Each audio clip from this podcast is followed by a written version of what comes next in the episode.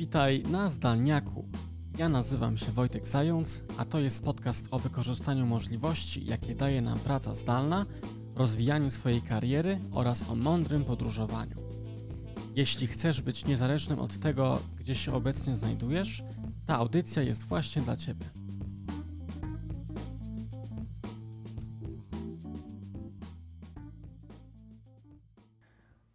Cześć, witajcie w kolejnym odcinku podcastu na Zdaniaku.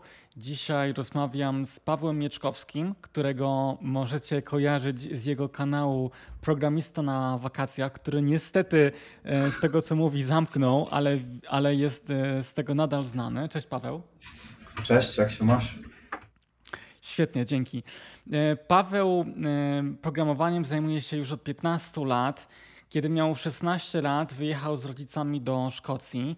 Tam studiował i e, zaczął pierwszą pracę w zawodzie, a od 11 lat krąży po świecie, pracuje zdalnie z różnych miejsc, na przykład e, pracował z Kanady, z Australii e, czy z Anglii.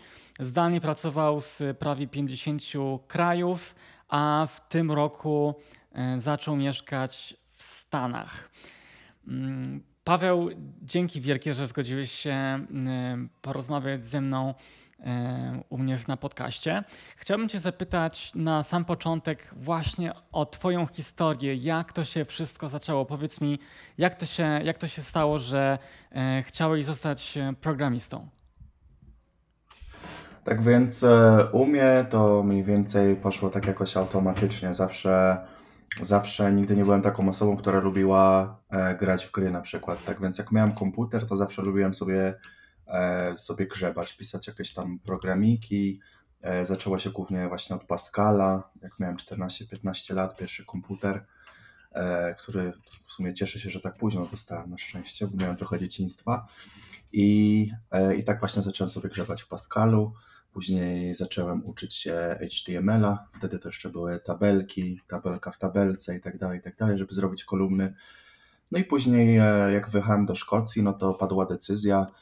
E, poszedłem od razu do koledżu, no i dostałem taką książkę różnych kursów z tego wielkiego koledżu w Edynburgu.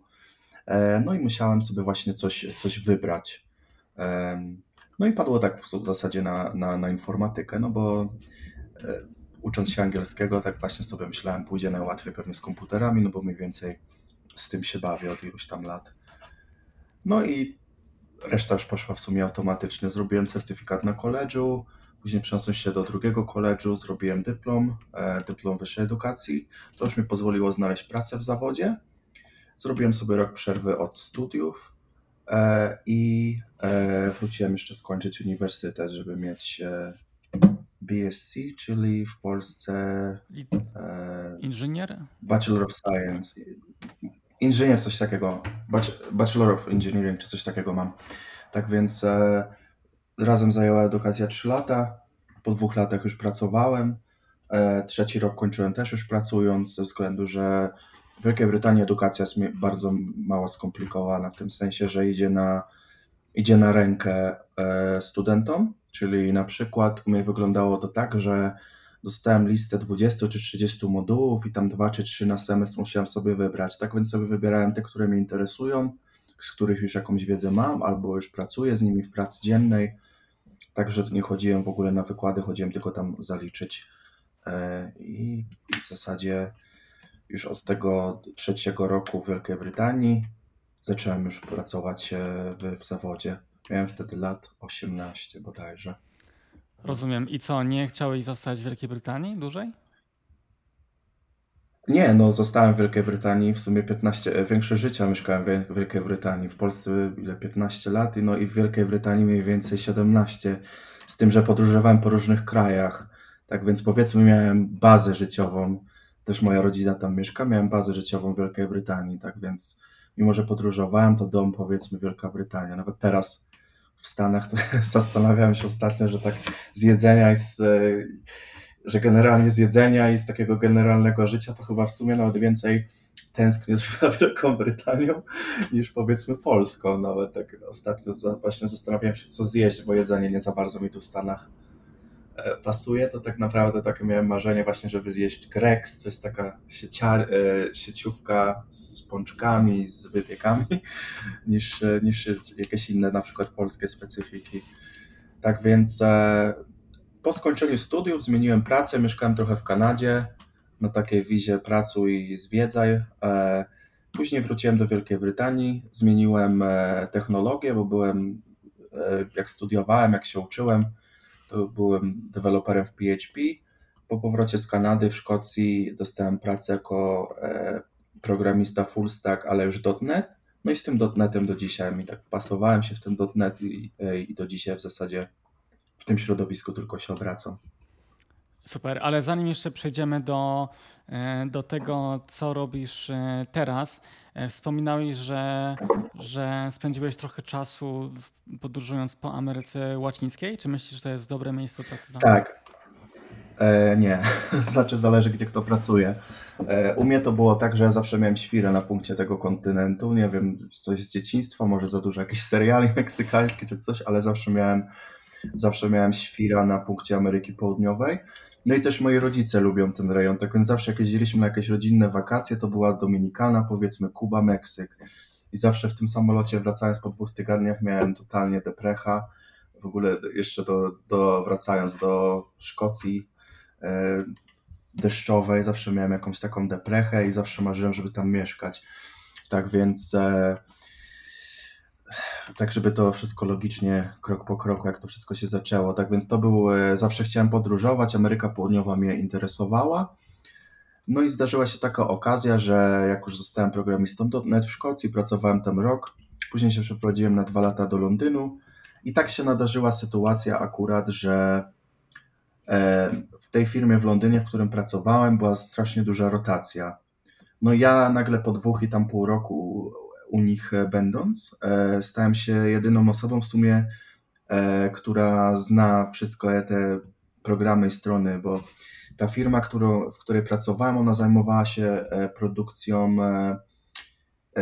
produkcją opakowań na produkty, tak więc jak poszłem sobie do jakiegoś Tesco powiedzmy, to 30% produktów z mojego biura akurat wyszło. E, a te sprawy informatyczne to był jakby taki dodatek. Ci menedżerowie w ogóle nie, nie rozumieli, po co w to w ogóle finansowo wkładać pieniądze i tak dalej. Mimo tego, że mieliśmy dużych klientów, na przykład mieliśmy e, American Express jako główny klient i to była strona do zamawiania walut, jak się gdzieś wyjeżdża, tak więc brała płatności, e, procesowała to wszystko i na lotnisku wtedy dana osoba mogła sobie odebrać dolary, czy jaką tamkolwiek walutę sobie zamawiała. Z tym, że no, zarząd tej firmy w ogóle, nie, w ogóle mojego działu nie pojmował. Oni byli czymś innym za, zajęci, tak więc był niedofinansowany e, i stało się tak, że zostałem ja jeden sam, no i miałem dobrą pozycję do negocjowania. W sensie, no nie, y, nie było możliwości, żeby oni się mnie pozbyli tak z dnia na dzień, na przykład, żebym powiedział odchodzę. Tak więc e, widziałem, że podróżują inne osoby i tak dalej, tak więc e, stwierdziłem, że zapytałem, czy jest możliwe, żebym pracował sobie ze Szkocji, bo to był Londyn, chciałem wrócić, już miałem dość po trzech latach Londynu, chciałem wrócić do Szkocji. No i na próbę z tej Szkocji jakoś się udało pracować, no i po cichu zacząłem najpierw pracować sobie z Europy, a później zaraz na, do Brazylii i tam sobie siedziałem całą zimę. I od tego czasu w zasadzie z kilkoma tylko przerwami, bo wtedy otworzyłem, przestałem pracować już jako e, na stały kontrakt, otworzyłem w Wielkiej Brytanii firmę, I od tego momentu z kilkoma tylko miesięcznymi przerwami pracowałem w zasadzie zdalnie. Już tylko szukałem klientów zdalnych. Dla tej firmy pracowałem nadal, e, głównie jako taki knowledge base. Było bardzo mało pracy, jeszcze miałem dwóch dodatkowych klientów, tak więc najlepszy finansowo okres mojego życia. E, I, i tak to się potoczyło do, do dziś. Tak naprawdę dopiero teraz w Stanach chwilowo będę osiadły znowu na jakiś czas. Mimo tego, że pracę mam zdalną, biura są pozamykane. Rozumiem. I zanim jeszcze dotarłeś do Stanów, w jaki sposób najczęściej e, żyłeś e, podróżując? E, to były takie, mów, wspominałeś, że wspomniałeś, że spędziłeś całą zimę w Brazylii, czyli to było jakieś takie mieszkanie na dłuższy czas, czy przenosiłeś się pomiędzy miejscami? Tak więc na, na początku e, to przez pierwszych kilka lat to było tak, że właśnie gdzieś zima w Ameryce Południowej, powiedzmy Brazylia. Brazylię bardzo lubię Brazylia nie jest tak daleko na zachód, tak więc o 6 rano musiałem wstawać do pracy, co było w sumie idealnym rozwiązaniem. E, północna Brazylia to jest tylko 3, różnicy, 3 godziny różnicy z Wielkiej Brytanii. A w okresie wiosny wracałem trochę do Szkocji do rodziców, a na lato z reguły gdzieś jakaś Turcja, tamte rejony i tak przez kilka lat sobie e, mniej więcej między tymi dwoma miejscami skakałem. U mnie jest tak, że samo podróżowanie też męczy samo w sobie, takie przemieszczanie się non-stop, tak więc mniej więcej zawsze e, lubię mieć jakieś takie stalsze miejsce, na przykład biorę sobie Airbnb od razu z góry na trzy miesiące, upewniam się, że działa internet i tak dalej. Są też ludzi, też znam osobiście, pozdrawiam, też mam kanał Podróż e, Mateusz Brzeziński, Podróż przez Azję bodajże, o ile nie zmienili nazwę, oni się przenoszą bardziej co tydzień. Mnie to strasznie wymęczało, bo kończyłem pracę w piątek i trzeba było teraz organizować, a co nie jest proste w krajach Ameryki Południowej, transport gdzieś tam na drugi koniec. E, I mnie to trochę męczyło, tym bardziej, że w jakimś miejscu na 2-3 miesiące ja lubię mieć jakieś biurko, lubię mieć jakiś porządny fotel, nie wyobrażam sobie inaczej pracować.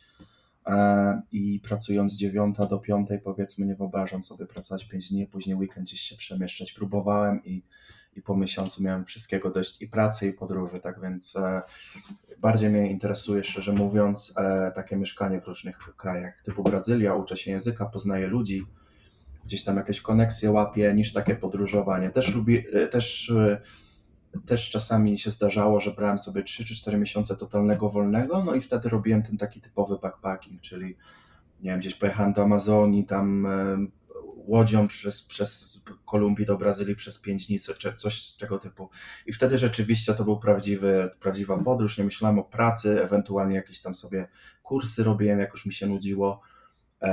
I wtedy wypoczywałem. To była taka coś do pracy, na przykład nowych technologii się żyłem, tylko nic nie, nic na zasadzie, że mam jakieś terminy czy, e, mhm. czy tego typu rzeczy. I wtedy rzeczywiście to jest prawdziwa podróż, wypoczęty, wracałem, gotowy na nowe wyzwania, na nową pracę i tak dalej.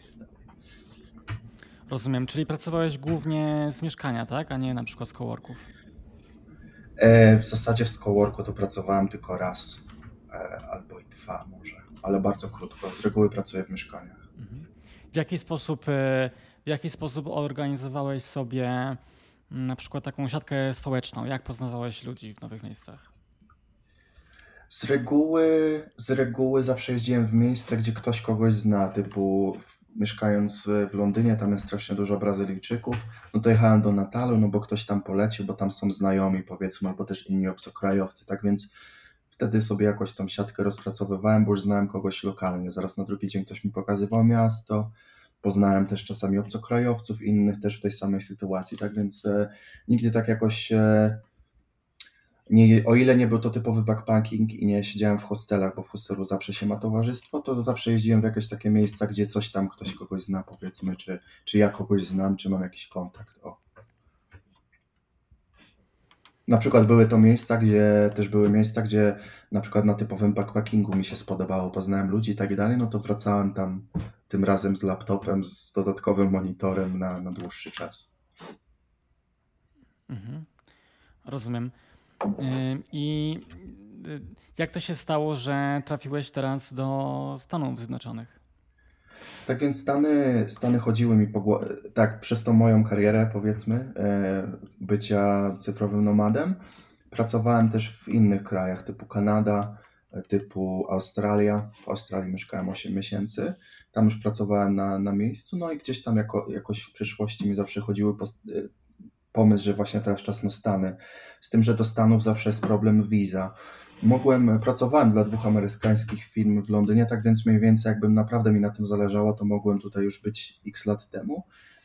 Ale ze względu właśnie, że miałem dobre życie, byłem, byłem szczęśliwy generalnie, mogłem być gdzie chciałem, podobało mi się tam w Brazylii, w Turcji, to stwierdziłem, że biorę tylko udział w loterii e, wizowej, no bo wtedy Mogę tu przyjechać prawie jako obywatel, bez prawa głosu i mogę robić dokładnie to samo, co w Wielkiej Brytanii, typu otworzyć firmę, być kontraktorem, nie być zależnym od innej firmy, bo jestem z reguły osobą, która woli kontrakty niż pracę sta stałą. No i za siódmym razem, za siódmym razem się udało.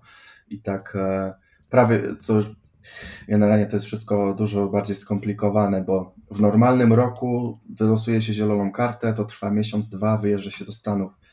Tym razem przez wirus to wszystko rok zajęło, zajęło dodatkowe, bo przyszedł wirus, e, Donald Trump zablokował emigrację, e, w kilka osób się złożyliśmy na adwokata, sąd mi przyznał tą zieloną kartę, dostałem zieloną kartę w paszport, ale nie mogłem tu wjechać, dopóki nie e, Biden, prezydent Biden nie zniósł kilka, dwa miesiące temu tego całego banu.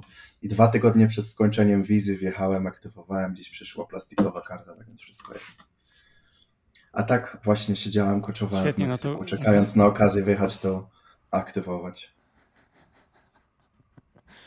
Świetnie, to jest naprawdę e, bardzo dobra historia i myślę, że to może być inspiracją na to, że ja też nie, nie jesteś jedyną osobą, którą znam, która dostała wizę poprzez loterię. I, jest dużo takich osób, naprawdę trzeba po prostu tak, próbować, tak. aż wyjdzie. Nie mam innej, nie mam innej instrukcji. Dokładnie. I, i, I teraz będąc w Stanach, czy, czyli rozumiem, że ma, jesteś pełnoprawnym, masz kartę stałego pobytu i możesz pracować dla dowolnej lokalnej firmy, tak? W Stanach. Tak, karta stałego pobytu na 10 lat i po 5 latach możesz zostać obywatelem, tak więc nie ma żadnych ograniczeń co do pracy. E, tak więc jestem tu dalej kontraktorem, pracuję pierwszy tydzień w banku i generalnie jestem zadowolony. Bo w, e, w USA, porównując do Wielkiej Brytanii, w Wielkiej Brytanii troszkę się sprawy pokomplikowały, e, bo w Wielkiej Brytanii też generalnie mi się super żyło, szczególnie jako kontraktor.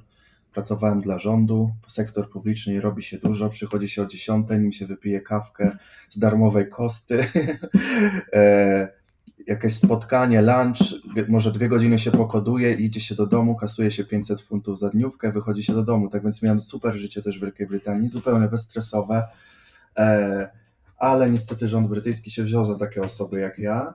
No i e, powiedzmy coś podobnego wprowadzili, jak w Polsce był pomysł na ten test przedsiębiorcy, czyli ja pracując jako firma, płacąc bardzo niskie podatki, przy czym jeszcze biorąc spore pieniądze za dniówki, stwierdzili, że jednak e, za dużo jest takich ludzi jak ja, tak więc e, e, zmieniło się to w taki sposób, że kiedyś e, w razie kontroli, e, jeśli ja się zadeklaruję jako firma, jest kontrola, no to ja udowadniam, ewentualnie ja mam kłopoty finansowe z podatkami.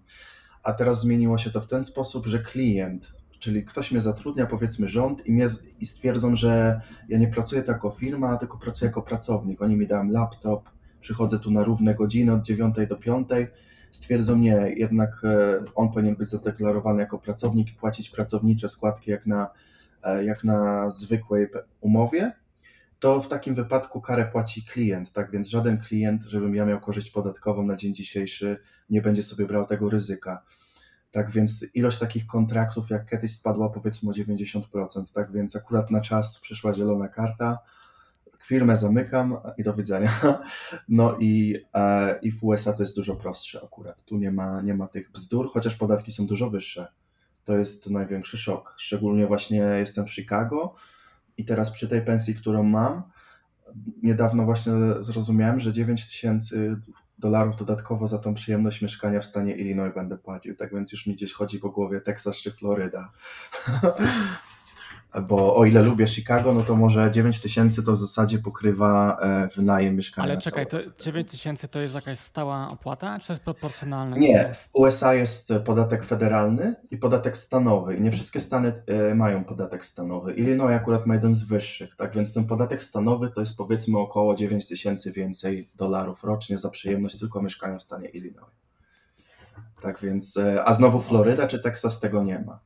A jeszcze dodatkowo, mimo tego, że na przykład tutaj jest proporcjonalnie do zarobków kupno na przykład nieruchomości w dobrej części e, Chicago, e, no jest chyba najlepszy na świecie z tych wszystkich miejsc, co mieszkałem, bo tu można na przykład przy moich zarobkach za 6 miesięcy pracy mogę sobie kupić studio niedaleko jeziora w dobrej dzielnicy, w 7-milionowym mieście.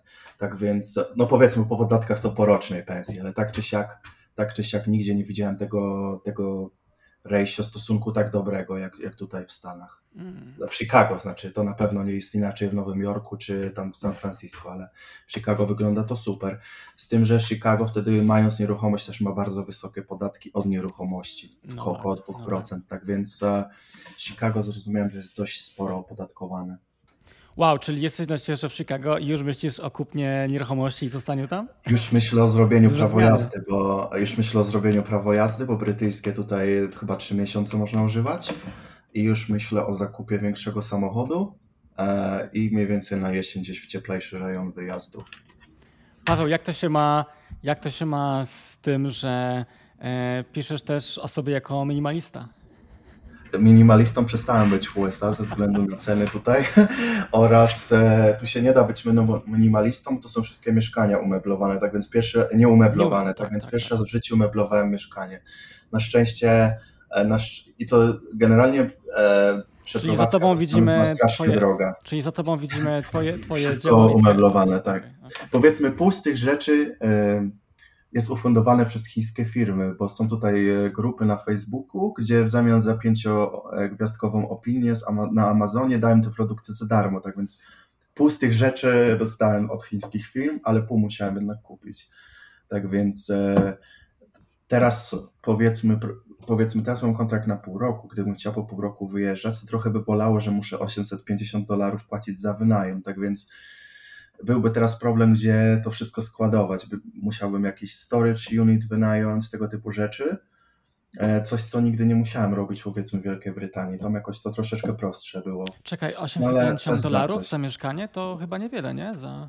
To nie jest dużo, no właśnie, to nie jest dużo, a kupić je można za 100, chyba 5 było sprzedane niedawno, tak więc Wow. e, i to jest e, dobra dzielnica Buena Park, obok jeziora i, A, wiem, wiem. i niedaleko centrum, tak więc dlatego mówię, że stosunek zarobków e, na przykład do cen nieruchomości jest tutaj naprawdę super. To jest 7-milionowe miasto z ogromną ekonomią i tak dalej, tak więc to jest na, na plus. A na minus, no to na pewno tutaj jest droższe życie, w sensie produkty, żyw, żywność i tak dalej. Jest dużo droższa niż w Wielkiej Brytanii jeszcze i gorszej jakości. W sumie najtańszy tutaj wychodzi polski sklep z obiadami za 4 dolary. Tak więc, e, tak więc tak to jest. I skąd właśnie wybór y, Chicago jeszcze?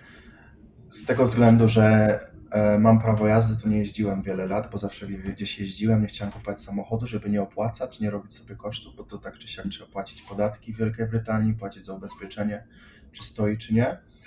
Tak więc przyjechałem do Chicago z tego względu, że mieszkali tu moi znajomi, plus wiedziałem, że tu jest jakaś komunikacja miejska, że przetrwam. No i nie jest to Nowy Jork cenowo. Tak więc w sumie najbardziej takie e, praktyczne to miasto było. I rzeczywiście transport działa na razie super. Tutaj w tych dzielnicach, gdzie ja mieszkam, no nie mam złego słowa nie powiem na Chicago. Jest dużo bezpieczniej, jest dużo bezpieczniej też niż myślałem. Jest, e, jest generalnie nieźle. Bardzo podoba mi się Twoje podejście, że właśnie jesteś, e, myślisz o tych wydatkach, co wcale nie jest, co wcale nie jest na przykład takie uniwersalne w Stanach wśród branży IT, wśród moich e, innych Właśnie- To jest najczęstsze pytanie, które dostawałem, czy na YouTubie, czy od moich znajomych. Są takie czasami sytuacje, że kontraktor, który zarabia w Londynie tak, czy ja, tak jak ja 400 czy 500 funtów, on się mnie pyta, skąd mnie stać na podróże i nigdy nie wiem, czy on sobie żartuje, czy, czy on to mówi poważnie. No i nawet zarabiając 10 tysięcy funtów, tak ktoś nie ma limitów, to może sobie tak rozbuchać e, życie, e, że rzeczywiście nie starczy nawet na wyjazd. Tak jak on, wynająć trzy, mies- trzysypialniowe mieszkanie, kupować graty z Amazonu non-stop, tego typu rzeczy, że rzeczywiście nie ma, nie ma na podróż. A u mnie zawsze było tak, że e, na przykład nie miałem problemu mieszkać w hostelu, e, odwiedzając klientów w Londynie, czy też wynajmowałem jeden pokój za, za 700 funtów. Tak więc, e, tak więc na przykład e, oszcz- Hasło. przy, przy moim, e, przy, ja będąc kontraktorem w Wielkiej Brytanii, miałem na tyle niskie koszty życia, że ja za miesiąc mojej pracy na przykład mi było stać na 8 miesięcy podróży, bo nie było miesiąca w mojej podróży, żebym wydał więcej niż 1000 funtów. Tak więc na przykład odkładałem sobie 8, bo 1000 z kawałkiem szło na życie w Glasgow powiedzmy, czy półtora w Londynie. Ale mogłem też równie dobrze kupić sobie samochód, zapłacić za niego podatki, zapłacić za parking, mogłem sobie kupić, e, spłacać za to raty powiedzmy, ubezpieczenie za to płacić, wziąć większe mieszkanie i z 10 może by zostawał 1000 powiedzmy, bo to nie jest, to nie jest, e, to nie jest, e, to nie trzeba mieć talentu, żeby rozhukać jakąkolwiek ilość pieniędzy. I to samo, to samo jest moje podejście tutaj w Stanach. Będę unikał samochodu. Fakt faktem, jak przyniosę się na, Londy na Florydę, tam już nie ma komunikacji miejskiej za bardzo, no to zapłacę za ten samochód, ale znowu nie zapłacę tych podatków dodatkowych jak tutaj, tak więc coś za coś. Tak. Ale zawsze starałem się unikać, e, żeby nie było tak, że e, razem z moimi wyższymi zarobkami inflacja mojego życia idzie, że piję mleko za funta, no to teraz, czy piwo za funta, no to teraz zarabiam 10 tysięcy funtów, no to będę kupował jakieś tam e, kraftowe piwo za 8 e, funtów, tego typu rzeczy. Generalnie mnie jakoś tak zawsze było tak, że się nie potrzebuję dużo do szczęścia. O, ten powiedzmy, że to jest e, na mój plus, na moje szczęście jest tak, że nie potrzebuję dużo do szczęścia. Świetnie. Myślę, że myślę, że twoje podróże przyczyniły się do takiego podejścia, teraz masz? Na pewno, na pewno, szczególnie taki typowy backpacking, jak ja, jak ja robiłem. Zauważyłem, że oczywiście mój pierwszy taki wyjazd na 4 miesiące to wiadomo 20-kilogramowy plecak 70-litrowy, 5 koszul i później po dwóch, trzech miesiącach zauważyłem, że koszulę to w sumie używam jedne, jedną, t-shirtów cztery mi starczy, e, bielizny trochę więcej i tyle, tak więc e, z czasem mój plecak to był taki, który się mieścił jako bagaż e, podręczny, żeby jeszcze dodatkowo nie trzeba było za to płacić.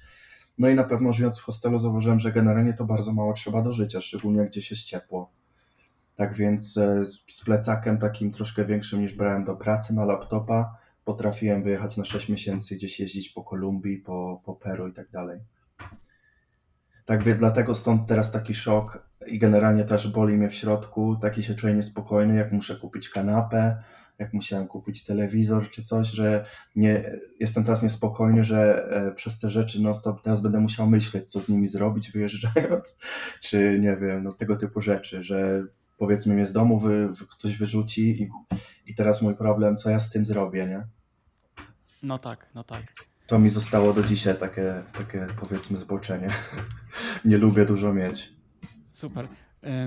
Tak, ja też odsyłam, odsyłam e, moich słuchaczy, jeśli nie słuchaliście do poprzedniego odcinka o minimalizmie, kiedy dokładnie też mówiłem o, o tym, na czym polega inflacja życia i dokładnie szerzej też trochę o, o tym, co mówi Paweł. Paweł, powiedz proszę, bo na pewno o tym bardzo dużo wiesz, e, jak to teraz wygląda w Stanach? Wspominałeś, że rozważasz przeniesienie się na Florydę. Czy widzisz rzeczywiście, że są duże takie ruchy, takie migracje właśnie w środku Stanów, szczególnie właśnie ludzi w IT? Są, są i to nawet nie, nie że teraz to widzę, tylko do, do Stanów, w Stanach, w różnych częściach Stanów mam znajomych, tak więc co jakiś czas tutaj bywałem. Na pewno są migracje z tych, z tych, z tych Stanów, gdzie jest wysokie koszty życia i wysokie podatki, czyli ludzie z Kalifornii przenoszą się na przykład do Teksasu, ludzie z Nowego Jorku też gdzieś na Florydę czy do Teksasu właśnie jest migracja jest w tym kierunku właśnie, żeby e, do Stanów z niższym podatkiem, czy, czy też są też strasznie drogie miasta w, w, w Stanach typu Nowy Jork czy San Francisco, że nawet zarabiając tam nie wiadomo ile, e, powiedzmy, znam, mój znajomy pracuje w Uberze, zarabia tam powiedzmy 200 ileś tysięcy dolarów, jeszcze dorabia na e, dorabia jeżdżąc dla Ubera, żeby było śmieszniej, bo ze względu na koszty życia. Fakt faktem pewnie tam też można w pokój sobie wynająć i tak dalej i żyć taniej, no ale już jakoś mając tam rodzinę czy coś, no to już, już ma ciężko, tak? Tak więc w takim Chicago to wygląda już zupełnie inaczej, bo jak mówiłem, za roczną pensję mogę kupić swoje mieszkanie, swoje studio, żeby zaraz ktoś tu nie poprawiał, że w Chicago nie ma takich cen, ale studio tyle kosztuje. E, no i zarabiając powiedzmy 100 czy 120 dolarów na godzinę, no to potrafię tutaj też 90% moich dochodów sobie bez problemu oszczędzić.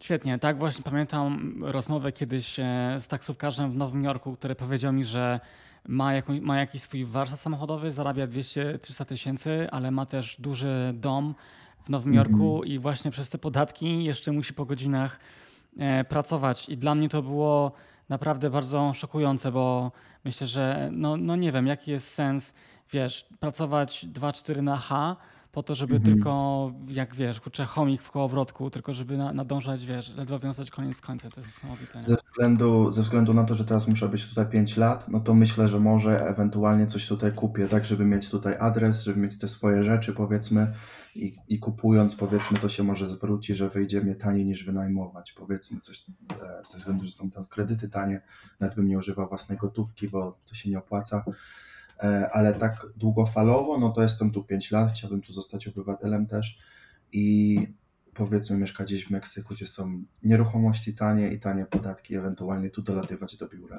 To jest taki mój długofalowy, długofalowy plan. Właśnie mówiąc, jesteś, mówiłeś, że jesteś w Playa del Carmen, właśnie byłem dwa, dwa miesiące temu, byłem prawie trzy miesiące w Cancun, e, chociaż to nie jest mój ulubiony rejon Meksyku, ale tak, żeby dać perspektywę, tam można kupić za 60, za 70 tysięcy wielki dom, za 100, za 150 tysięcy. Też mam taki plan, gdzieś tam mi chodzi z tyłu głowy właśnie, żeby zrobić takie Airbnb ze studiami, ale głównie dla osób pracujących zdalnie, czyli numer jeden, super szybki internet, biurko i dodatkowy monitor. To jest przez moje ileś tam lat podróżowania nigdzie nie znalazłem czegoś takiego i to jest dla mnie szokujące, że, że osoba, która ma mieszkanie na Airbnb i ma je wystawione w tych na, na długi termin, tak? czyli nie na, na nockę czy na dwie, tylko wynajmuje minimum miesiąc, że się nie domyśli, że, że osoba, która wynajmuje mieszkanie na trzy miesiące, to raczej nie przyjeżdża sobie siedzieć w mieszkaniu, tylko to jest jakaś osoba, która pewnie pracuje z domu i, i nie domyśli się, że fajnie by było, żeby chociaż jakieś najtańsze gówniane, brzydko mówiąc, biurko postawić i fotel, tylko jest jakaś pokraka stół i to jest najbardziej denerwujące, tak więc e, chciałbym, e, chciałbym e, będąc w Cancun mieszkałem właśnie w takim budynku powiedzmy, który został sprzedany za 150 tysięcy dolarów i było tam dziewięć osobnych takich kawalerek dość sporych. I właśnie coś takiego chciałbym kiedyś może kupić, jedną dla mnie do mojej pracy, a, a na przykład osiem sobie wynajmować właśnie i targetować głównie takie osoby, które pracują zdalnie, czyli upewnić się, że, że jest super internet, tak jak mówiłem, wygodne miejsce do pracy. Tak, ja też to widzę, że powoli, powoli hości zarówno Airbnb, Domyślają jak i się. menedżerowie, tak, takich większych budynków powoli. Na przykład, na przykład jak przyjechałem, kiedy powiedziałem, że prowadzę podcast, bla, bla, bla, to od razu mhm. mnie, menedżer był bardzo ogarnięty i od razu zaczął mnie pytać, co z mojej perspektywy on, ten, to była kobieta, ten, ta kobieta powinna zrobić właśnie, żeby E, być, budynek był bardziej atrakcyjny dla, mhm. dla cyfrowych tematów. Ja to też bardzo doceniam, że, że coraz więcej osób to widzi, ale tak jak mówisz, nadal to nie jest jeszcze tak popularne, jakbyśmy chcieli wszyscy. W zeszłym, w zeszłym roku wynająłem mieszkanie w Mexico City, czerwiec, lipiec bodajże. Zaraz jak otworzyli granicę, uciekłem do Meksyku e, po czterech miesiącach w Szkocji. E, i jeszcze dostałem negatywną opinię na Airbnb, no bo pani stwierdziła, że jestem zbyt wymagający, bo internet szybki chciałem, tak? No i dojechałem do, dojechałem, dojechałem do tego mieszkania i patrzę, robię, robię pomiar e, aplikacją w telefonie, no i internet jest nie do używania i do niej piszę, wysyłam jej rezultat. A, a to ona mówi, przepraszam, to przyjdzie ktoś w poniedziałek zobaczyć. No i przyszedł facet, przestawił router, ale przestawił router tak, że moje mieszkanie na, na parterze tam były schody i on jakoś za te schody, że nadal jeszcze, jeszcze gorszy w zasadzie się zrobił internet. I ona mówi, że ona już nic na to nie, nie poradzi. No to zgłosiłem ją do Airbnb, że albo ona mi wypłaci, albo was pozwę odszkodowanie, bo teraz tracę pieniądze za każdą moją dniówkę przez to, że wy nie sprawdzacie, co, co host opisuje, bo host miał napisane super szybki internet. Oni, Airbnb też powinno brać odpowiedzialność za to, co jest napisane na ich stronie, tak? No i zwrócili mi pieniądze, no i obrażona pani, obrażona pani wystawiłem jeszcze, e, jeszcze złą, złą e, opinię, że, e, że Chico jest bardzo, bardzo wymagający i on nigdy nie jest szczęśliwy, zawsze mu za mało. Taką dostałem opinię po, po hiszpańsku. Tak więc, tak więc tak to było. Też się kobieta nie domyśliła, że dwie, dwa, przyjeżdżam na dwa miesiące, no to leżę, pewnie myślała, leżę na sofie, tak? Nie domyśliła się, że ktoś w dzisiejszych czasach pracuje, przyjeżdżając na dwa miesiące. Tak więc e, generalnie była tam tragedia. Wiesz, zawsze jakiś procent hostów i ludzi po prostu znajdzie się tak, tak, e, tak robiąc, tak myślących, także to się na pewno może tak. zdarzyć.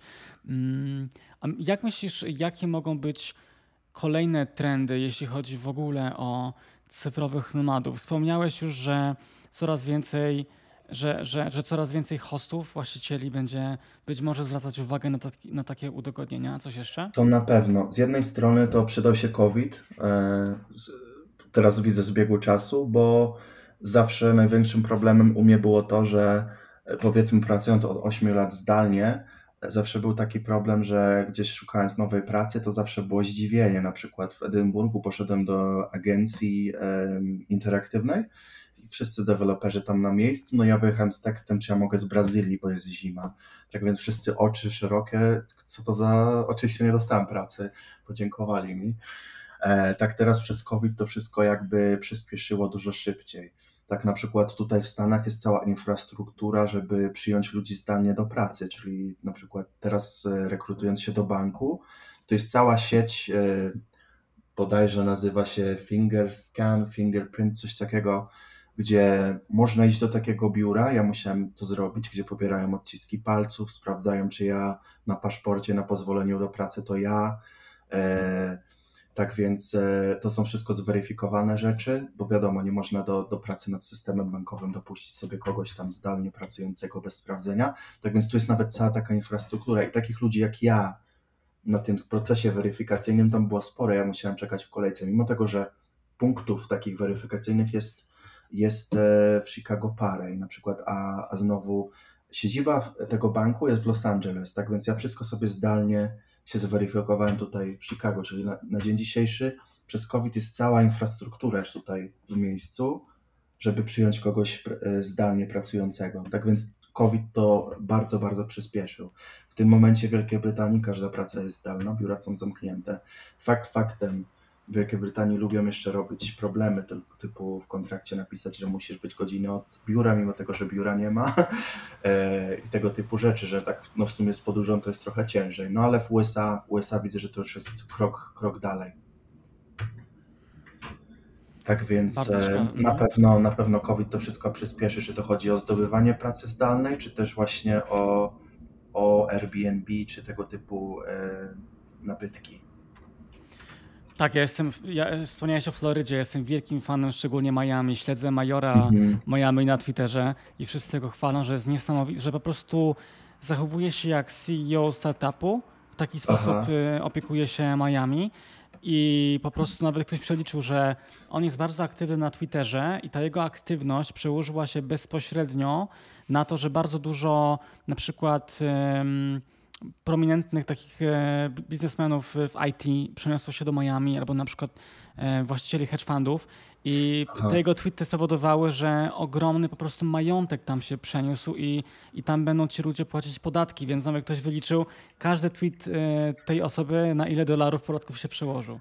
Właśnie zawsze jak jeździłem po Stanach, to zawsze mimo tego, że ludzie mówią dlaczego, bo jest kiczowate, ale zawsze Miami mój numer jeden. Właśnie gdzieś w tych lokalizacjach bym chciał się umieścić E, nie wiem, po prostu ja lubię tą kulturę latynoską, ja, ja lubię na co dzień hiszpański używać, ja w ogóle nie mam problemu z Miami, uwielbiam i to jest takie, dla mnie to jest najlepszy miks właśnie powiedzmy tej anglosaskiego porządku, że rzeczy działają z, tą, z tym latynoskim e, smaczkiem, tak więc e, pod tym względem mi się Miami podoba, właśnie mam, mam duszę. Zawsze, zawsze dla mnie jak myślałem emigracja do USA to tylko i wyłącznie Floryda, nigdzie więcej mi się tak w sumie nie podobało.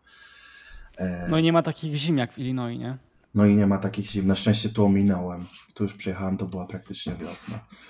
A Tam jeszcze jest chyba chciałem... jeszcze zimniej niż w Polsce.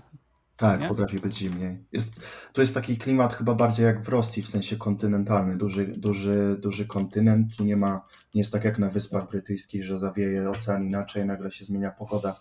Bardziej jest taka stabilna. Jest wyrazista zima, wyraziste lato, e, jakaś tam wiosna i tak dalej. A jeszcze mówiąc o właśnie o startupach, e, to też e, właśnie przez mój backpacking, e, też siedząc wieczorami w hostelu i tak dalej, to był bodajże 2013 rok, Malezja, tam zacząłem pracę nad moim startupem, który się nazywa viewingbooker.com. To jest aplikacja do umawiania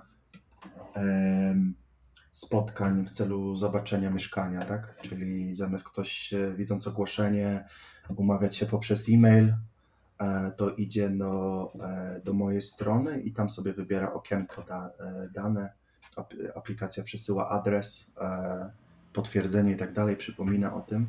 Też właśnie chciałem się przenieść do Stanów, bo wiedziałem, że większość moich użytkowników była ze Stanów. Z tym, że rzeczy się trochę skomplikowały, bo pół jej odsprzedałem w zeszłym roku, w 2019.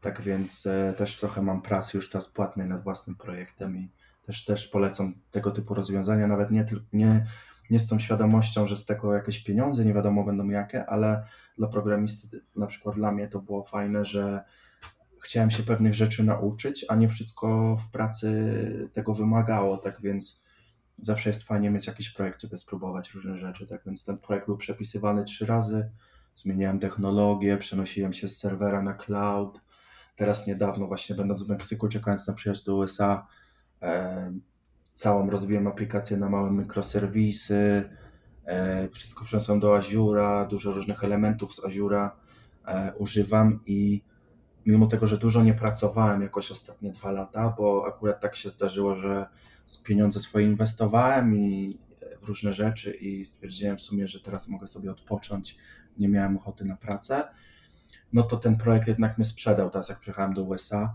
to się pytali, co robiłem ostatnie dwa lata, no i nie za bardzo dużo, no ale zacząłem opowiadać o projekcie, jak jest skonstruowany, jakie elementy użyłem i trzy godziny minęły po interwiu, mam pracę. Tak więc z samego tego względu fajnie jest. Świetnie i właśnie i to mnie prowadzi do kolejnego pytania, które chciałem Ci zadać. Wiem o tym, że masz e, bardzo bogate doświadczenie jako programista.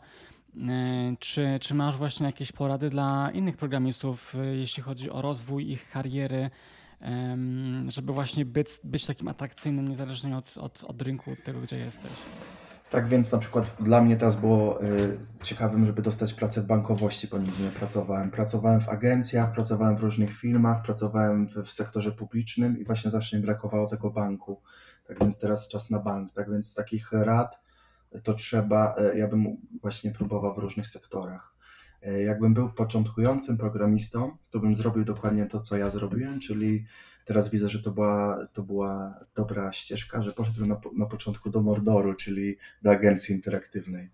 Nie zarobi się tam nie wiadomo jak dużo, ale jest e, straszna e, rotacja, e, dużo tych projektów i naprawdę można wejść w ten, w ten wir i mniej więcej posmakować dużo różnych rzeczy. Po czym po roku, dwóch na pewno przeniósłbym się w jakąś korporację, bo w korporacji znowu wtedy się na wakacjach, porównując do agencji interaktywnej.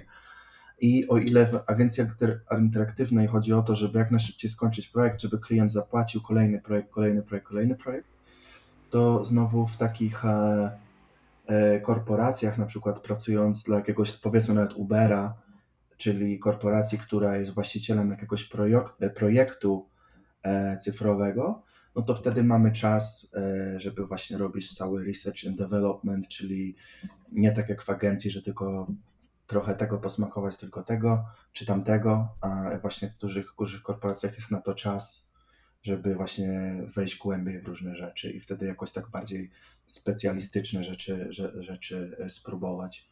I tak, tak, bym, tak bym teraz karierę. W zasadzie to przez przypadek moja się tak potoczyła, ale teraz widzę, że to było, to było dobre, dobre rozwiązanie. A agencja zawsze potrzebuje programistów, tam jest ogromna rotacja, co, co rok w zasadzie nowy team potrafi być i tam najłatwiej w sumie znaleźć pracę. Wtedy już mając agencję, e, można, już, można znaleźć coś lepiej płatnego i mniej wymagającego i ciekawszego. Mhm. Świetnie, na pewno to jest bardzo wartościowe, że, że rzeczywiście pracowałeś bardzo w różnorodnych e, firmach. A żeby znaleźć, jeszcze, jeszcze dopowiem, a żeby znaleźć pierwszą pracę, tak jak, e, tak jak ja, E, to mnie sprzedało moje, tak powiedzmy, sprzedało moje portfolio, bo oprócz studiów robiłem sobie różne projekty. Albo ktoś potrzebował, robiłem jako wolontariusz, albo budowałem po prostu swoje projekty. Tak więc idąc po studiach, na interwiu nie było tak, że nie wiem, o moich modułach na przykład, bo to pracodawcy Wielkiej Brytanii to w ogóle nie interesuje, żebym rozmawiał o modułach na studiach. E, tylko po prostu pokazałem, zrobiłem to, to zrobiłem w taki, w taki sposób, zrobiłem to, to zrobiłem w taki, w taki sposób i to właśnie, e, i to właśnie przez to dostałem moją pierwszą pracę. To też, to też jest bardzo ważne, powiedziałbym. Bo jako pracodawca nie sądzę, że nikt, ktokolwiek jest, o ile nie z jakiegoś Harvardu nie przychodzicie, to nie, nie sądzę, że ktoś jest zainteresowany co na modułach, czy co na zaliczenie tam się robiło dużego, czy nie wiadomo co. Tak więc warto też raczej... dokształcać mhm. się i robić cokolwiek, po... żeby pokazać. Czyli podsumowując, własne doświadczenie dużo ważniejsze od edukacji, jakiejś takiej, wiesz... Tak, no praktyczne, praktyczne doświadczenie, bo za to, za to generalnie się płaci, prawda? Przychodzi się do pracy, trzeba coś wyprodukować, żeby za to dostać pieniądze, tak więc wiedza wiedzą, ale trzeba pokazać, że praktycznie umie się zrobić to i tamto, bo za to, za to, za to pracodawca przecież płaci. Paweł, przez dłuższy czas prowadziłeś popularny kanał na YouTubie. Czemu go zamknąłeś? Zamknąłem go, bo e, o ile kiedyś, e, co w sumie było głupie, jak są moi dawni widzowie, to przepraszam, że tak zniknąłem, bo to nawet trochę było tak z biegu czasu chamskie, że tak zniknąłem z dnia na dzień. Czy chcesz ale... właśnie ogłosić powrót na YouTube'a? Nie, powrót może nie, ale kanał, kanał istnieje nadal, jest schowany. E, I teraz ze względu, w sumie to tak od początku powiem, był okres, że mnie to bardzo e, dużo przyjemności dawało. Uwielbiałem chodzić z tą kamerką, uwielbiałem to nagrywać. Z biegu czasu widzę, że to jest super takie doświadczenie mojego życia, że 10 lat mam udokumentowane. Na przykład mam udokumentowaną mój pobyt w Australii, mam pracę w Australii udokumentowaną. Żeby nie te wideo, do których lubię wracać, to w zasadzie bym nawet połowę tego już nie pamiętał, bym nie pamiętał tych osób, z którymi pracowałem i tak dalej, i tak dalej. Tak więc z biegu czasu widzę, że to było fajne. E, ale przyszedł okres, że mnie to zaczęło denerwować. Mnie ta obróbka wideo zaczęła strasznie denerwować, to pochłaniało strasznie dużo czasu. E, no i e, myślałem już o zakończeniu, zakończeniu nagrywania długi czas i przyszedł taki moment, że stwierdziłem, że muszę odciąć jakieś kupony w moim życiu, że jest ograniczony czas i muszę poświęcić to, z czego, co mi naj, największe korzyści przy, przynosi, typu moja praca, czy też jakieś inwestowania, bo też zacząłem się zajmować giełdą, to mi zaczęło strasznie dużo e, czasu zabierać. E, i stwierdziłem, że jak ja siedzę 7 godzin czy 8 tam pracując, czy coś na giełdzie, czy ucząc się, no to ja mam ochotę jednak iść na tą plażę gdzieś będąc w Meksyku, niż teraz latać z kamerką, pokazywać, później myśleć, czy to dobrze nagrane, czy to, bo wiadomo, na YouTubie też jest, też zawsze ktoś, każdy chce jak naj, najwyższą jakość dać i tak dalej i tych kanałów też się namnożyło, no i stwierdziłem bodajże w Baku w Azerbejdżanie, e, e, po, możliwe, że to było za dużo ilości wina z granatów. I mówię, nie, ja to za, w, e, w, e, nie, nie, likwiduję totalnie kanał, żeby już mnie nie kurciło tutaj w ogóle wracać, wszystko, wszystko wyrzucam, no i tak to się skończyło. E, tak więc też e, miałem wrażenie, że skończyło mi się wszystkie tematy. Wszystko, co miałem do powiedzenia, tam było powiedziane. No i teraz trochę, teraz trochę szkoda, no bo w USA bym mógł dużo dokumentować. E, może nie takie idiotyczne filmiki typu pięć rzeczy, które mnie wkurza w USA, czy pięć rzeczy, które lubię, tylko bardziej tak jak ja to robiłem w Australii, właśnie ile kosztuje, podat ile są podatki tu, ile tam, ile się zarabia. E, I może, może kiedyś jeszcze, jeszcze ten no, przyjdzie taki pomysł, to nawet e, będąc w Veracruz właśnie w Meksyku trzy miesiące temu zacząłem znowu nagrywać e, trochę, ale stwierdziłem, nie chce mi się tego robić. No ale zobaczymy. Może, może jak ktoś mnie zna i ma ochotę jeszcze raz zobaczyć te materiały, to może się skontaktować ze mną Backpacker Developer na Instagramie, podrzucę link. Zostaw, tak, zostawimy, zostawimy linki do Ciebie pod, e, pod notkami, zarówno w podcastie, jak i na, na YouTubie w tym odcinku. E, ja też bardzo zachęcam, chętnie bym oglądał Twoje przygody w, w Stanach. Myślę, że dużo wartości dodanej e, dajesz. A nie byłbym sobą, gdyby nie, gdybym nie zapytał. Myślę, że też bardzo wartościowe dla innych może być I dla mnie też Twoje podejście do inwestowania, zważywszy na to, że właśnie tak często się przenosisz, więc na pewno masz takie podejście bardziej globalne, e, a też z racji na to, że ogląda mój kanał dużo e, też programistów, którzy mogą mieć podobne warunki i możliwości. Czy masz jakieś porady takie właśnie pod kątem zarządzania swoimi finansami?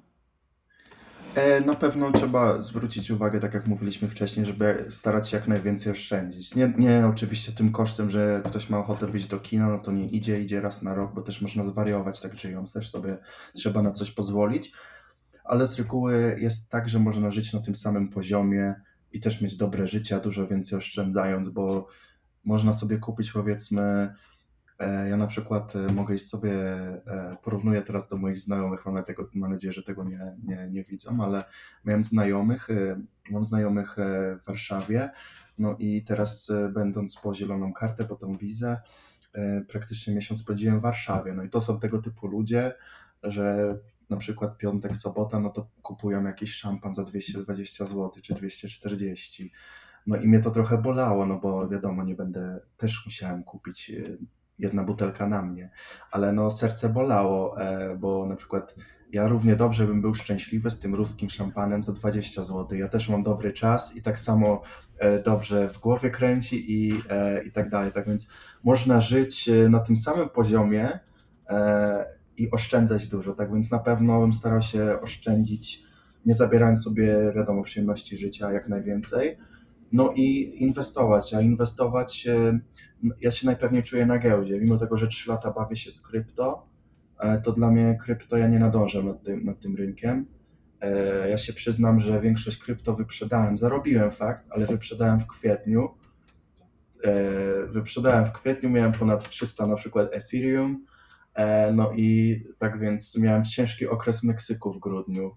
Tak więc dopiero zacząłem spać, e, sypiać normalnie niedawno, że tak powiem, bo straszne duże pieniądze prze, prze, przeszły mi koło oczu. No ale to tylko potwierdza, że o ile na giełdzie ja mogę różne rzeczy się dowiedzieć, przeczytać, widzieć, co dana spółka, że, że zbliża się na przykład raport zarobków i tak dalej, da się mniej więcej przewidzieć jakieś ruchy. Tak, krypto to jest po prostu rano się wstaje i nagle coś jest 100% do góry albo 90% w dół, tak? Więc od krypto na razie. Możliwe, że znowu w nie wejdę, jak będzie znowu jakiś taki krach jak, jak początek 2018 ale ja najpewniej się czuję na giełdzie. No i na giełdzie jest tu dużo też różnych instrumentów, żeby to robić bardziej bezpieczniej, typu jakieś ETF-y, e, czy też e, ja z reguły moje pieniądze na trzy dzielę, jeśli chodzi o giełdę, czyli jedna trzecia ETF, e, druga, druga część to jest takie leniwe inwestowanie, czyli, mam kilka swoich kanałów na YouTubie i patrzę, co oni mówią, żeby kupić, no to to kupuję właśnie przez Robin Hooda. E, a trzecia część to robię sobie taki day, day trading. Czasami patrzę właśnie, że coś się zbliża, e, no i pracując rano wstaję sobie szybciej, bo tu jest jeszcze Chicago godzinę, godzinę, tyłu, no to 8.30 i kupuję i jak coś rośnie w dobrą stronę, nigdy nie shortuję, no to sprzedaję, no jakieś tam dniówkę można, jest dużo dni, że drugą dniówkę sobie powiedzmy przez 30 minut zarobię. Świetnie i tłumacząc dla mnie doświadczonych słuchaczy, ETF-y to są fundusze pasywnie zarządzane. Robin tak. Hood to jest aplikacja, która aplikacja do kupowania, bardzo tak tak, do kupowania, która ma wyjątkowo niskie opłaty transakcyjne, a day trading to jest tak zwana spekulacja, czyli właśnie. Spekulacja granie... tylko, że spekulacja tylko, że ja to robię w bezpieczny sposób, czyli z reguły zawsze jest to buy, nigdy nie, nie shortuję i nigdy żadnych, e, żadnych e, leverage, lewar, lewar e, nigdy nie używam tego. Tak więc jak coś idzie nie tak, na przykład tak się bawiłem całe lato z Airbusem, że były, e, całe lato bawiłem się na, na, na giełdzie w, w Paryżu czy w Holandii, już nie, nie wiem dokładnie gdzie ona jest, z Airbusem, bo Airbus działał jak w zegarku. Czekałem, otworzyli giełdę, spada, spadał, spadał, spadał. Wiedziałem, że po 15 minutach osiągnie dzisiejszy dołek.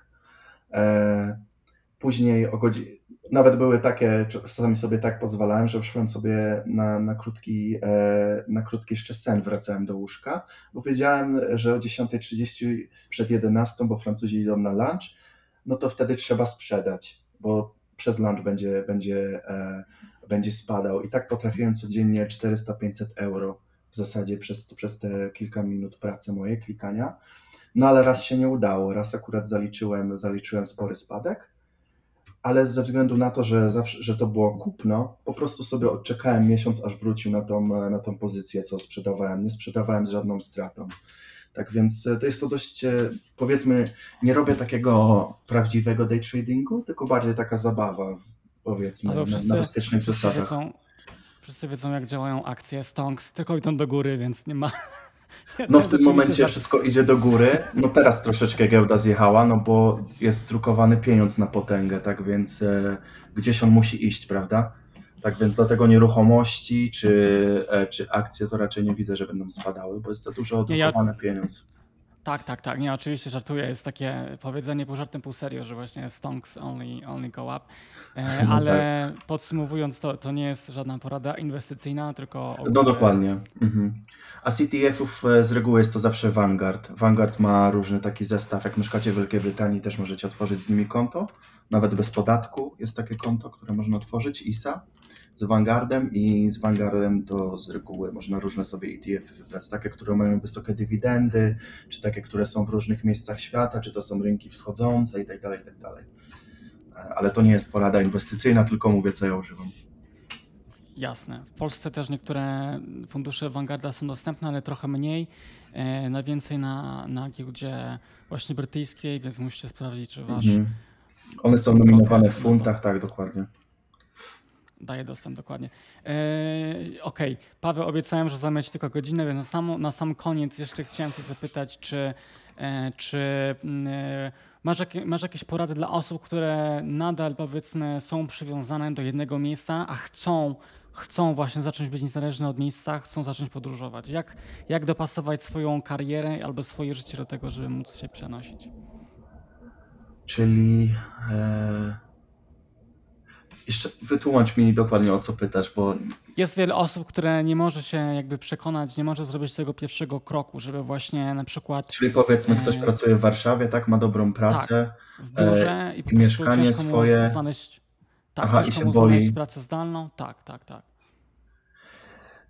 Z prac zdalnych to nie tylko mówimy o, o pracy programisty, bo teraz e, przez, tym bardziej teraz ludzie są jeszcze bardziej e, kreatywni przez, e, przez koronę, tak? Więc tych zawodów jest coraz, coraz więcej, na przykład nauczyciele języka, e, z tych co ja spotkałem, są też ludzie, którzy właśnie jakiś swój projekt robią, są też ludzie, którzy jakiś robią coaching, są też, no tych zawodów jest coraz więcej, coraz więcej, tak więc e, e, starałbym się może zmienić na początek pracę powoli, jako, je- jeżeli dana praca nie, nie pozwala, e, nie pozwala pracować nam zdalnie, to może bym powoli zaczął szukać taką, która pozwoli. E, Na pewno starałbym się odłożyć jak najwięcej pieniędzy, żeby mieć tą poduszkę, żeby różne te ważne decyzje nie podejmować w strachu, że mam tylko pieniędzy na przeżycie miesiąca. E, Też popatrzeć może właśnie pod kątem, może jestem właścicielem mieszkania, czy może, może mogę je wynająć. Wynajmę za 3000 zł, też przeżyję na przykład w Tajlandii za tyle, mimo tego, że nie, że nie będę miał pracy, ale dam już to stabilizację, że dobrze, jadę do Tajlandii, zawsze mam ten 3000 zł z mieszkania, no i będę szukał, ale nie muszę znaleźć pracy, tak? Tak więc jest, jest zupełnie inna pozycja negocjacyjna. E, Też, też bym może zaczął od zwykłych wakacji, zrobić sobie takie wakacje, przegląd. Teraz jest dobry okres, bo dużo biur jest pozamykanych, to też się wymknąć po cichu może do innego kraju, spróbować jak to, teraz w sumie jest najlepszy na to okres, jak, jak, czy to jest dla mnie, czy, czy mi się to podoba. Mm, Od takich może rzeczy bym zaczął. Na pewno starałbym się zgromadzić jak najwięcej finansów, bo to, to daje największe takie właśnie poczucie wolności i też bezpieczeństwa, bo najgorsze to właśnie po, podejmować takie wiel- wielkie decyzje, typu rzucam jakąś pracę, którą lubię i tak dalej, wiedząc, że mam na miesiąc y, pieniędzy tylko na przeżycie. Bez, e, dla kogoś, kto jest bardzo taki, boi się tego typu decyzji, to bym raczej na 6-12 miesięcy chciał mieć zabezpieczony e, i życie oraz też jakieś miejsce w razie czego bym chciał wrócić, tak? Czyli e, na pewno czym młodsza osoba, tym lepiej, bo e, może łatwiej mieszkać z rodzicami w razie jak się wróci i tak dalej, i tak dalej. To też, że moi rodzice mieszkają w Szkocji, to też miało duży na mnie wpływ, no bo ja wiedziałem, że mogę się spłukać kompletnie z kasy, wrócić do rodziców i sobie znajdę pracę w Glasgow, tak? Mam gdzie mieszkać, oni jeszcze są niezadowoleni, jak ja się wyprowadzam, tak więc e, to też dużo dało, tak więc e, może w wieku 40 lat już bym się dużo bardziej bał, no bo tak na przykład jak w USA, a co zrobię z moimi rzeczami, a gdzie ja potem do tego Chicago wrócę, czy ja będę tu w hotelach mieszkał, kiedy może ja nie znajdę mieszkania, jak wrócę, tego typu rzeczy. To trzeba generalnie dobrze zaplanować, tak? Tak jak e, teraz będąc w Chicago i myśląc ileś lat wcześniej, w przód, też właśnie myślę, może właśnie by coś kupić, żeby mieć ten kont zawsze w USA, e, obniżyć tego koszty, bo kredyt będzie tańszy dużo niż, niż wynajem, ale za tą cenę właśnie, żeby mieć zawsze tę bazę tutaj, że jak e, gdzieś mi się tam coś noga powinie, no to zawsze mogę wrócić do Chicago, jest to duże miasto, znajdę sobie zaraz pracę i mam i tak dalej, i tak dalej. Tak więc e, na pewno nie, nie pozbywałbym się bazy. Jeśli macie rodziców, to się można pozbyć, nie wiem, waszego mieszkania wynajmowanego i tak dalej. Jeśli nie, no to e, trzeba dobrze przemyśleć właśnie tą sytuację ze swoją bazą. To jest wszystko zależy od, od, od danej sytuacji. To jest tak ciężko dać jakieś 10 kroków, żeby zostać cyfrowym nomadą, żeby do każdego działała ta instrukcja. Jasne, rozumiem. Nie, Paweł, myślę, że to są naprawdę świetne tipy. Paweł, ja Ci życzę powodzenia w Chicago i żebyś zdążył się przeprowadzić do Florydy przed zimą Illinois. Oby, daj Boże. Dzięki za rozmowę. Wszystkiego dobrego. Dzięki, wszystkiego dobrego. Na razie. Mam nadzieję, że wywiad z Pawłem Wam się podobał, szczególnie, że nagrywałem go w trochę spartańskich warunkach tutaj w Playa del Carmen e, w Meksyku. Natomiast gorąco zachęcam Was do sprawdzenia um, vloga Pawła, który, do którego podesłał mi linka i wrzuciłem go zarówno w opisie filmu na YouTubie, jak i e, w, na podstronie odcinka na stronie internetowej podcastu. E, no a co? My spotykamy się już za dwa tygodnie. Słyszymy się na zdalniaku.